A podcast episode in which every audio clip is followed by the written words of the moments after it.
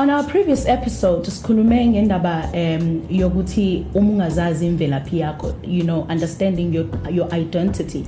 Eh la khona ugcina sekuaffecteka imndeni as a whole. Lapho khona gcina sekushada nabantu abazalanayo lapho khona gcina abantwana bengasatholakala and then you have those family members and the whole society abathi nanicabanga ukuthi kuyokwenzakalani nina? Nishadana nabandawonye. So we are actually um going straight into that with ubhutlaki ukuthi achaze ukuthi kusuke kwenzekeni la khona ngempela abantwana bengasatholakala because of yonke lento eyenzakalile and then I'll come back with the emotional side of um everything Alright um kuhlukene nangumndeni Yeah. ukuthi ama ama situations afana nalawa eh bathi mangabe sebehleli eh bewa discussa bese qhamuka ama solutions because imndeni iya- iya- iyahlukana Yeah. in terms of ama practices that they do Yeah. but clearly in this situation eh kubuya sengazi ukuthi umndeni awu- awuhlangene ayikho eh understanding e- e- e- deep in terms of eh what do we do emakhasini anjengana lawo.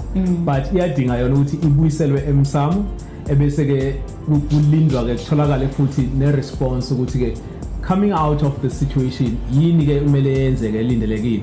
Once kwakhona lokho then you start seeing eh, mhlawumbe into efana nokuthi kutholakala abantwana and a whole lot of other things. We, we've seen families uh, they, they, there are people nje engimaziyo nami abekade benesibongo bene background ethi ayicishe ifane in terms of ibongo but today uh, ba- bashadile they are, they are happy their kids because they addressed this issue ngale ndlela eh, traditional cultural eh, spiritual as well Um as much as u- u- le le le side leli lika um about like ngilivuma eh kodwa iqiniso lithi enene psychologically umuntu uya-affecteka a lot by zonke lezi zinto ezikhulunywayo abantu ngokuhlukahlukana ezikhulunywa behind her ezikhulunywa ungabizwa nangamagama esaziyo umuntu bengabathola abantwana only to find ukuthi inkinga ayifikanga nawe kodwa inkinga uyitholela ekhaya so to deal with zonke lezi zimo ezi- ezenzakalayo zonke eziqondene nawe zonke ezishaya wena kufanele nina nobabili as partners nibe ne-common understanding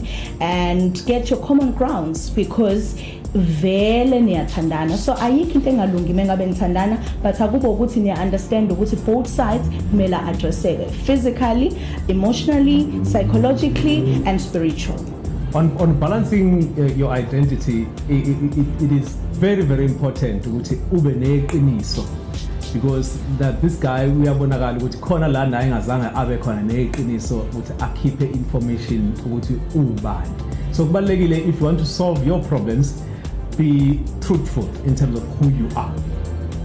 And also it's going to save you a whole lot of trouble and a whole lot of pain. Ukuthi ube neqiniso to yourself. Yes i agree to what would like he's saying.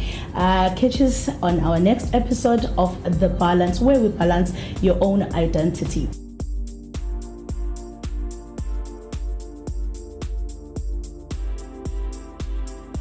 The Balance is proudly brought to you by Voma 103,